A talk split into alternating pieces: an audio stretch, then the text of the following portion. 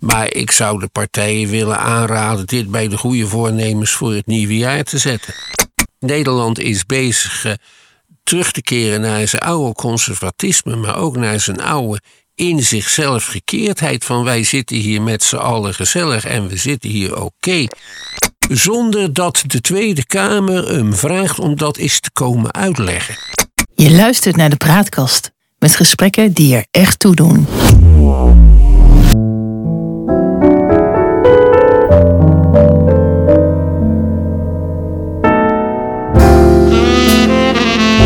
Welkom bij de Praatkast.nl. Dit is een aflevering van het Geheugenpaleis. Mijn naam is John Knierim en samen met historicus Han van der Horst maken we deze podcast. De geschiedenis die herhaalt zich nooit, maar rijmen dat doet hij vaak wel en dat gegeven gebruiken we in het Geheugenpaleis om dieper in te gaan op de actualiteit. En om zo te ontkomen aan de waan van de dag en om tot de kern van het nieuws te komen. Dit is aflevering 107. De burger die smeekt om lagere lasten, zo kopte de Telegraaf eh, afgelopen week. En daarnaast zijn thema's als asiel, eenstroom en huisvesting thema's waarover de kiezer wil dat de politiek met oplossingen komt. Maar Han, volgens mij vergeten we één ding. We leven in een tijd van oorlog in Europa. Er is een brandbaar conflict in het eh, Midden-Oosten. En het lijkt wel alsof de kiezer denkt dat we op een geïsoleerd eh, eiland leven. En doen alsof de ontwikkelingen eh, in Oekraïne en in Israël ons volstrekt niet raken. Wat vind jij daarvan? Uh, ja, dat vind ik toch wel opmerkelijk. Het is ook wel een beetje voorstelbaar, omdat het publiek uh, heeft geweigerd uh, de suggestie van de VVD te accepteren dat deze verkiezingen over de asielinstroom zouden gaan. Dat is eigenlijk wel een beetje buitenland. Maar de kiezer ja. heeft andere problemen naar voren geschoven die heel erg belangrijk uh, voor hem zijn, zoals de huisvestingszorg, uh, de stijgende prijzen, dat is wel voorstelbaar. Maar we zijn ja. toch wel heel erg aan het navelstaren en heel erg aan het denken dat achter die dijk van ons verder niks ligt. Uh, het doet bijna denken aan de kaart van Nederland op de lagere school. En daar was dan allemaal wit omheen. Ja, en wij, wij waren dan gekleurd ja, wij inderdaad. Waren, ja. En wij waren ook ja. blij, want we stonden er ook gekleurd op. Ja, ja, het is een soort isolationistische ja, blik uh, die we uh, neigen en, te hebben. Alsof wij niks hebben te maken met de rest van de wereld. En ondertussen maakt uh, onze premier Rutte daarvan gebruik door uh, overal rond te reizen en zich met internationale problemen te bemoeien, zonder ja. dat de Tweede Kamer hem vraagt om dat eens te komen uitleggen. Niet ja. eens om hem uh, tot de orde te roepen, maar om gewoon te komen uitleggen wat hij daar nu eigenlijk doet. Hè? Behalve ja. stage lopen in het kader van zijn secretaris-generaalschap van de NAVO. Dat is al. Ja, dat is een suggestie die gewekt wordt, hè, dat hij uh, Jens Stoltenberg gaat opvolgen als, uh, als leider van de, van ja, de nou, NAVO. dan hebben we de oorlog verloren, maar je moet toch altijd voorzichtig zijn met voorspellingen. Hoezo hebben we de oorlog dan verloren? Ik weet niet of deze man, die zelf niet eens in militaire dienst heeft gezeten, nou de aangewezen persoon is om uh, de NAVO te leiden. Nee, een ex-nazi als uh, Jozef Luns, uh, dat was een stuk beter. Nou, dat was, ja, dat was natuurlijk ook een rare man. Maar we hebben op het moment, denk ik. Of Koert Waldheim, die was nog fouter. Wij hebben op het moment een topfiguur nodig in alle opzichten om leiding te ja. geven aan de NAVO. Want de situatie is sinds 1945 niet zo gevaarlijk geweest. Dat staat gewoon als een paal boven water. En dat geldt. Ja, maar dat besef, dat besef, dat lijkt ons toch nog niet zo. Ja, daar lijken we als, als burgers toch nog niet zo van doordrongen ja. te zijn. Met een, met een, een oorlog aan de grens van Europa, of eigenlijk in Europa, in Oekraïne, waarin uh, eigenlijk uh, Rusland uh, probeert het Oude Rijk weer te herstellen. En dan een enorm conflict in Israël en in, in Gaza, waarbij je eigenlijk ziet dat het, de vanzelfsprekendheid waarmee de westerse wereld Israël altijd gesteund heeft, ook aan het verdwijnen is. Ja, en dan moet je daarbij tellen dat dit 200, 300 kilometer van de Europese grens ligt. Want Zo dichtbij? Cyprus is een, uh, een van de leden van de Europese Unie. Dat is ja. heel erg dichtbij. Ja, en, en nog los van het feit dat er heel veel mensen met een moslimachtergrond in, uh, in Europa wonen, die een wat natuurlijker de neiging hebben om achter uh, de, de, de Israël-vijandige staten te gaan staan. Dus daarmee hebben we ook in, intern eigenlijk een conflict. Zeker, we hebben intern een conflict omdat niet alleen die moslims, maar ook steeds meer Nederlanders in het conflict tussen Israël en de Palestijnen nogal totaal aan de kant van de Palestijnen staan. Dat wil niet zeggen dat zij, zoals de meeste Nederlanders dat wensen en de meeste politici, uh, opkomen voor een twee-staten-oplossing. Ja. Uh, maar voor een verdwijnen van Israël, want dat is een koloniale apartheidstaat. Ja. Het gaat te ver om het uh, daar nou in detail over te hebben. Um, uh, twee belangrijke conflicten. Maar ja, we hebben ook te maken met een, een Europese Unie. Die het altijd over weinig dingen natuurlijk maar eens is. Alleen onder grote, onder grote crisissen komen ze er samen wel uit. Maar er is ook een, een soort tendens om die Europese Unie uit te ja. breiden. Met landen als Oekraïne, uh, maar ook landen uit het voormalige Joegoslavië, uh, Albanië en zelfs uh, over Georgië wordt gesproken. Ja, en dat gaan ze behandelen op de grote ministersconferentie in december. En daar zullen zeker Moldavië en uh, Oekraïne in staat gesteld worden om zich kandidaat te stellen echt als lid van de Europese Unie. Zover is dat nog niet. Dan duurt het, nee, gaat, dan duurt het nog heel ja. lang voor ze daadwerkelijk lid worden. Maar als je dat eenmaal bent, is er geen weg terug. En Georgië staat ja. uh, in de wachtkamer. En dan ja. zijn er nog een paar staten in de Balkan, waaronder Albanië, maar ook Servië, die ook in de wachtkamer staan. Ja, want ook dat hele voormalige Joegoslavië, waar we natuurlijk in de negentiger jaren een vreselijke oorlog hebben gehad, daar is het ook onrustig op dit ja, moment. Want uh, in Bosnië, in de staat Bosnië, waar die waar de oorlog het vreselijkst was, uh, daar ja, staan de deels, de Servische deelstaat en de Kroatisch Bosnische deelstaat, waarin dat land is verdeeld, die staan elkaar min of meer naar het leven.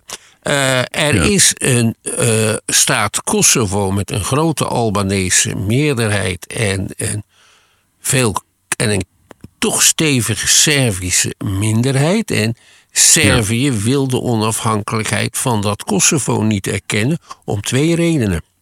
Vanwege die Servische minderheid en omdat op het grondgebied van Kosovo de slag bij het Merelveld heeft plaatsgevonden in 1382 of zo.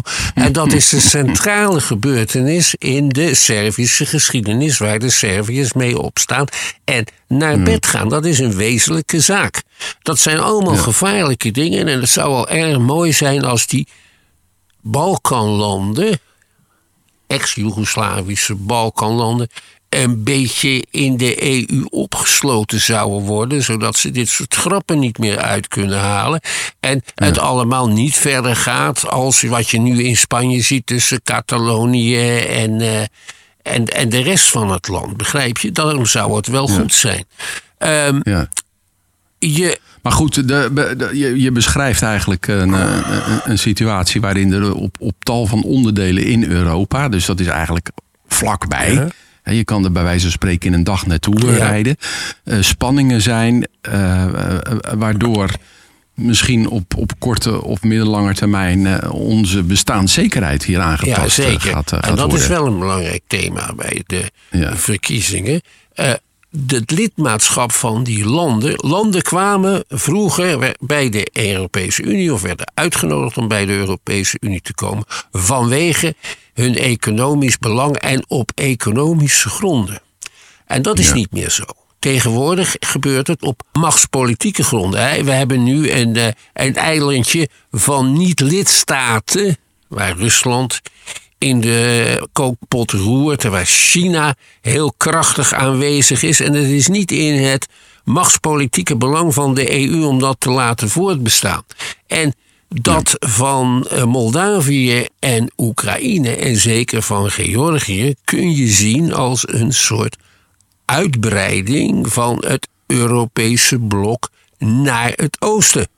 En daar ja. loopt het tegen een belangrijke concurrent aan, een machtige concurrent ook. En dat is Rusland, want die streeft nu juist het omgekeerde. Ja, dus daarmee zou je eigenlijk kunnen zeggen dat, dat de geopolitieke spanningen aan het uh, toenemen zijn. En het directe gevaar wat daaruit zou kunnen ontstaan, is dan gewoon oorlog. Puur oorlog. En toch zijn er goede argumenten om Oekraïne en uh, Moldavië tot hmm. de EU toe te laten. Maar het zou buitengewoon belangrijk en interessant en verstandig zijn om dat samen te laten gaan met nadrukkelijke veiligheidsgaranties uh, voor Rusland. Ik heb het wel eens in een ander verband gezet, gezegd, maar de grote Duitse kanselier Bismarck uit de 19e eeuw, die zei altijd: Wij hier en Rusland hebben verschillende belangen, maar we moeten nooit met elkaar in conflict raken. En daarom had hij altijd niet aanvalsverdragen met Rusland. Ja. Ja. Maar, dat, maar dat was toch ook uh, uh, eeuwenlang, nou ja, niet eeuwenlang, maar laten we zeggen, uh, zo na de middeleeuwen, vanaf de, de 16e, 17e, 18e eeuw, een, een, manier dat die, ja, de leiders van die verschillende blokken bij elkaar kwamen en dan met elkaar daar weer over afspraken maakten en gewoon lijnen trokken van nou zo gaan we het ja, doen. En dan kon je eens kijken hoe hoe lang dat, uh, dat stand hield. Hè. We hebben nu een multipolaire wereld, wordt er dan deftig gezegd, met een stuk of zeven verschillende machtsblokken. En onze eigen Johan de Wit, de raadpensionaris, die heeft daar een soort buitenlandspolitieke theorie omheen verzonnen. En zijn idee was dat de machten van Europa elkaar in evenwicht moesten houden. Er mocht er geen één domineren. En zo zou dan de vrede bewaard blijven. En zou vrijhandel in heel Europa en de wereld mogelijk zijn. Dat was het idee van Willem, uh, van Johan de Wit. Dat is overgenomen door stadhouder Willem III. Die werd zoals u hoort te weten, in 1689 gekroond tot koning van Engeland. Toen heeft hij dat de hoeksteen gemaakt van de Engelse politiek. Hè. Kissinger heeft over al dat soort dingen, toen hij nog gewoon professor was, heel goede, maar wel erg saaie boeken geschreven. Ik ben er net in één bezig. Eh, diplomacy, dat is een heel taai werk van heel veel pagina's. Ik moet zeggen, ik kruip er als een slak doorheen. Maar het is wel ontzettend interessant om te lezen. Om te zien hoe ze in die tijd proberen met elkaar dat machtevenwicht eh, te handhaven. Ja, en dat, dat heeft vrij aardig gewerkt. Ja. Vooral in de 19e eeuw. Um, en we zijn dat een beetje ontwend geraakt, hoe dat functioneert ten tijde van de Koude Oorlog, omdat er na de Tweede Wereldoorlog nog maar twee wereldmachten over waren, Rusland en de Sovjet-Unie, het samen moesten zien te rooien. Maar nu zijn er dus weer meer en moeten we die oude kunst van Johan de Wit weer leren. Maar zit daar ook niet iets in dat, dat als je dat nou vanuit een, een, een Oost-Europees, vanuit een Russisch perspectief uh, bekijkt, dat je ziet dat uh, Europa langzamerhand eigenlijk de grenzen steeds meer naar het oosten toe aan het opschuiven ja, is. Zo, en, dat ze, en, en, en dat ze denken van ja, dat willen we niet. Kijk, de grootste nachtmerrie van, uh, van Poetin en zijn regime is natuurlijk is dat daar de democratie uitbreekt. Dus die, die denkt ja, dat moeten we niet hebben. En volgens mij is dat dan, dan ook de reden dat hij Oekraïne is binnengevallen. Dat hij in Moldavië volgens mij is dat Transnistrië heeft uh, bezet. En dat hij ook in Georgië een, een stuk van het land bezet heeft. Om ervoor te zorgen dat Europa zijn invloed, West-Europa zijn invloed niet verder kan uitoefenen. Dat, dat is zeker het geval. Het probleem met Poetin is dat hij nogal bezig is met de geschiedenis van Rusland. Ja. En dat hij zijn eigen rol uh, definieert als het voortzetten van wat de andere grote leiders van Rusland hebben gedaan. En dat beeld van de geschiedenis van Rusland dat hij heeft, is een beetje een mythisch beeld uit de officiële geschiedenisboekjes. maar dat is, dat is allemaal wat anders. Hij heeft een vervals geschiedbeeld. En toch is dat heel erg belangrijk. Eh, we gaan even naar Sint-Petersburg. Ja. De in uh, zo rond 1700 met heel veel Nederlandse ontwikkelingshulp, want zo mag je dat wel noemen. Al hè, met heel veel Nederlandse ontwikkelingshulp gestichte nieuwe hoofdstad van het Tsaristische Rijk, Sint-Petersburg. Uh, daar ging Tsaar Peter de Grote wonen en hij bouwde een westerse, een stad volgens westerse normen, omdat hij met westerse technologie uh, een oude droom wou verwezenlijken, namelijk Rusland. Het derde Rome heeft iets bijzonders te bieden aan de wereld en heeft bovendien veilige grenzen nodig en daarom moet het aan expansie doen naar het westen. En dat heeft hij ook gedaan. Hè. Onder hem zijn de Baltische landen bij het Tsaristische Rusland gekomen. Dus een, een, Rusland, Letland ja, ja. Litouwen. Uh, ja. En uh, dan heb je Tsarina Katarina de Grote. Die was meer gericht op het zuiden en die heeft de Krim en, en grote stukken laten veroveren die nu deel uitmaken van, uh, van Oekraïne. En sindsdien heeft het, dat oprukken naar het westen wel een vast onderdeel geweest van de Russische politiek. Hè? Bijvoorbeeld Polen, dat is voor een groot deel onderdeel geweest van het Tsaristische Rijk in de 19e en het begin van de 20e eeuw. En, en, en Stalin met zijn Oostblok en zijn satellietstaten, idem dito, niet traditie, pakt Poetin weer op nadat, de vol, nadat het zijn land in zijn ogen door het Westen na de instorting van de Sovjet-Unie op een ontzettende manier is vernederd. Maar laten we nou eens proberen dat even die, die lijn door te trekken en het vanuit die positie te bekijken. Want wat je vertelt is wat mij betreft een heel logisch verhaal. Er ziet iemand die ziet zich bedreigd worden, uh, die ziet een stuk van zijn rijk uh, wegvallen. Um, is daar dan ook niet een begin van een oplossing? Dat er weer een soort. Ik begrijp dat, dat de grote leiders wel eens bijeen zijn gekomen in Jalta. Na de Tweede Wereldoorlog was dat volgens mij. Nee. Uh, en dat ze daar wat afspraken over hebben gemaakt. En, en, zouden we zoiets nu niet weer kunnen doen? En daarbij je dan ook veiligheidsgaranties kunnen geven aan Rusland? Nou, je bedoelt, het, je bedoelt uh, Potsdam. Na de, oh, Potsdam. Na, de de, ja. uh, na de definitieve nederlaag van, van Duitsland. Nou, inderdaad.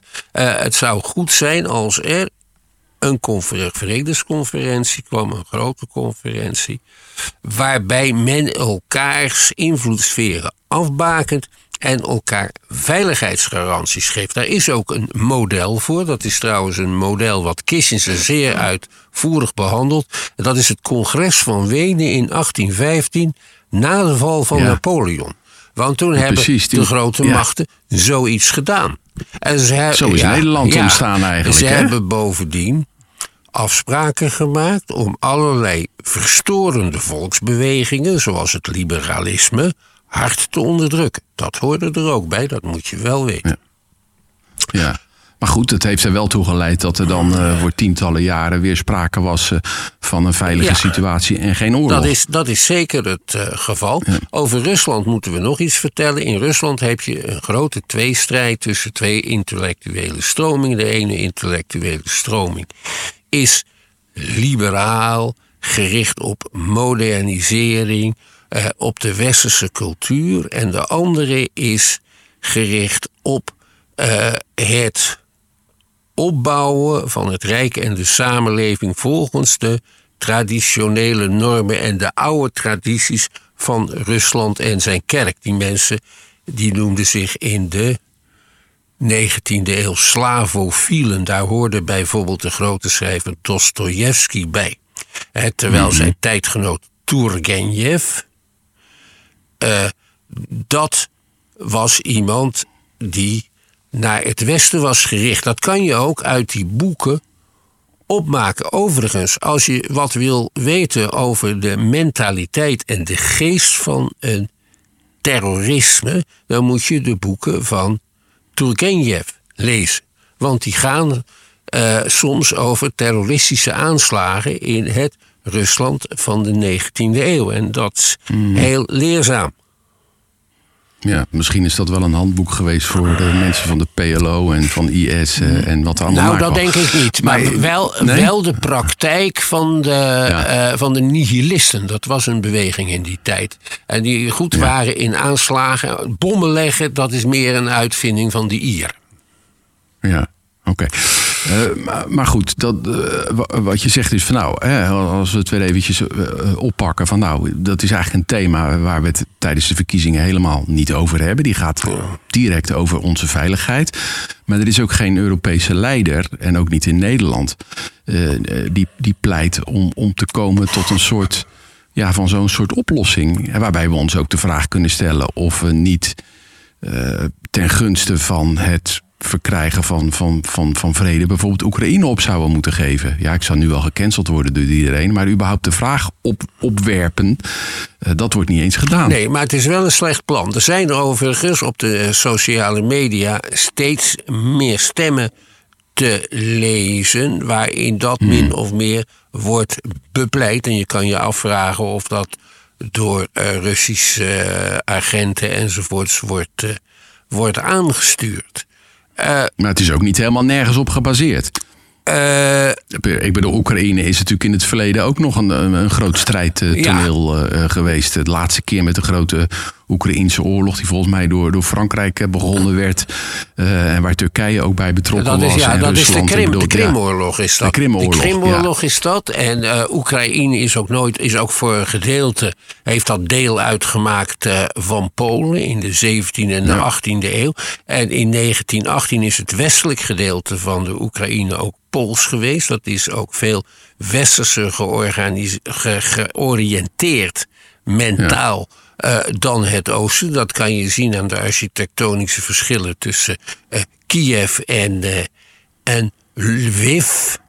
Wat in het Pools Lwów heette en in het Duits Lemberg. En dat ooit een centrum was van, van Jiddische geleerdheid. En dat eruit ziet als een beetje klein Wenen. Dat komt omdat het Ja. deel uitmaakte van Oostenrijk-Hongarije. Dat loopt daar allemaal dwars door elkaar. Helemaal is dat nog gekarakteriseerd door allerlei oud zeer... waar wij hier in Nederland geen idee van hebben.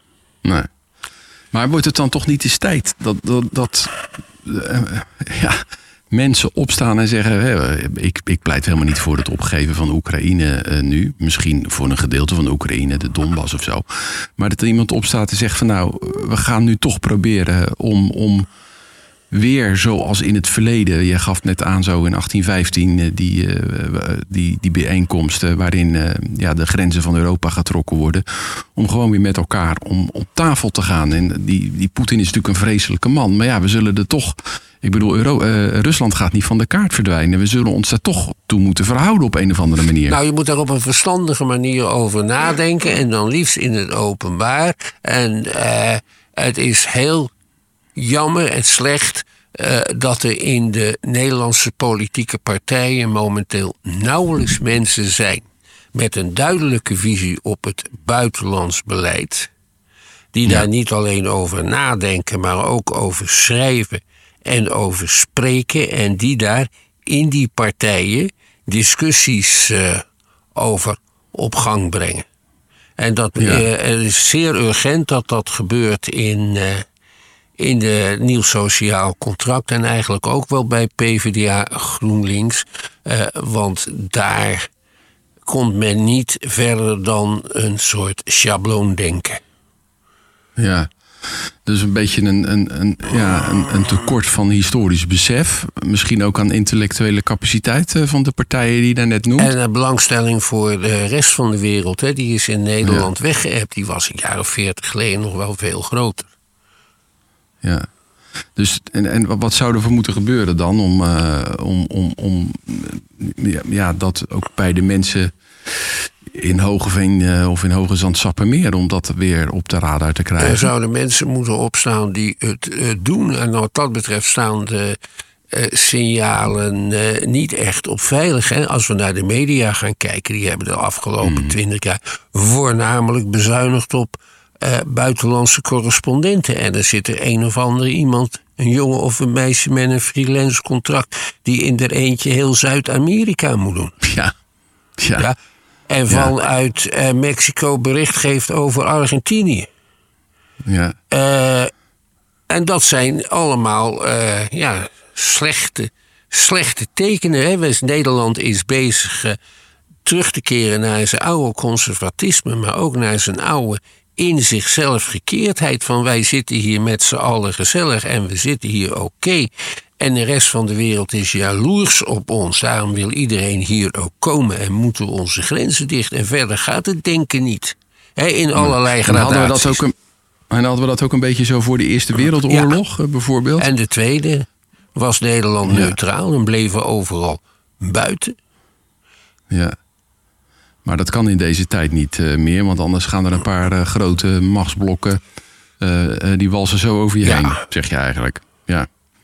Nou, dat is een mooi pleidooi wat we dan nu houden. Eigenlijk een, een deur weer openzetten ja. naar het buitenland. En niet om veel mensen binnen te laten, maar om in ieder geval over de grenzen te gaan ja. kijken. En een wat meer geopolitieke blik te hebben naar Europa en de rest van de wereld. Ja, en dat zal uh, geen invloed hebben op de huidige verkiezingen, want daarvoor is het te laat. Maar ik zou mm -hmm. de mhm. partijen willen aanraden dit bij de goede voornemens voor het nieuwe jaar te zetten. Allemaal, ja. zonder uitzondering. Nou, laten we die uh, oproep dan meenemen. Ze luisteren vast allemaal moet het hierbij laten, deze aflevering eh, van het uh, Geheugenpaleis. We maken het in samenwerking eh, met Praatkast en de uitzendingen zijn te vinden op www.praatkast.nl. Abonneer op, onze podcast kan in de podcast-app die je gebruikt. Dan krijg je automatisch een bericht wanneer een nieuwe aflevering online komt. En we vinden het leuk als je ons e-mailt info.praatkast.nl. Dat is het e-mailadres. Voor nu bedankt voor het luisteren en tot de volgende keer. Oké, wees gelukkig en blijf gezond.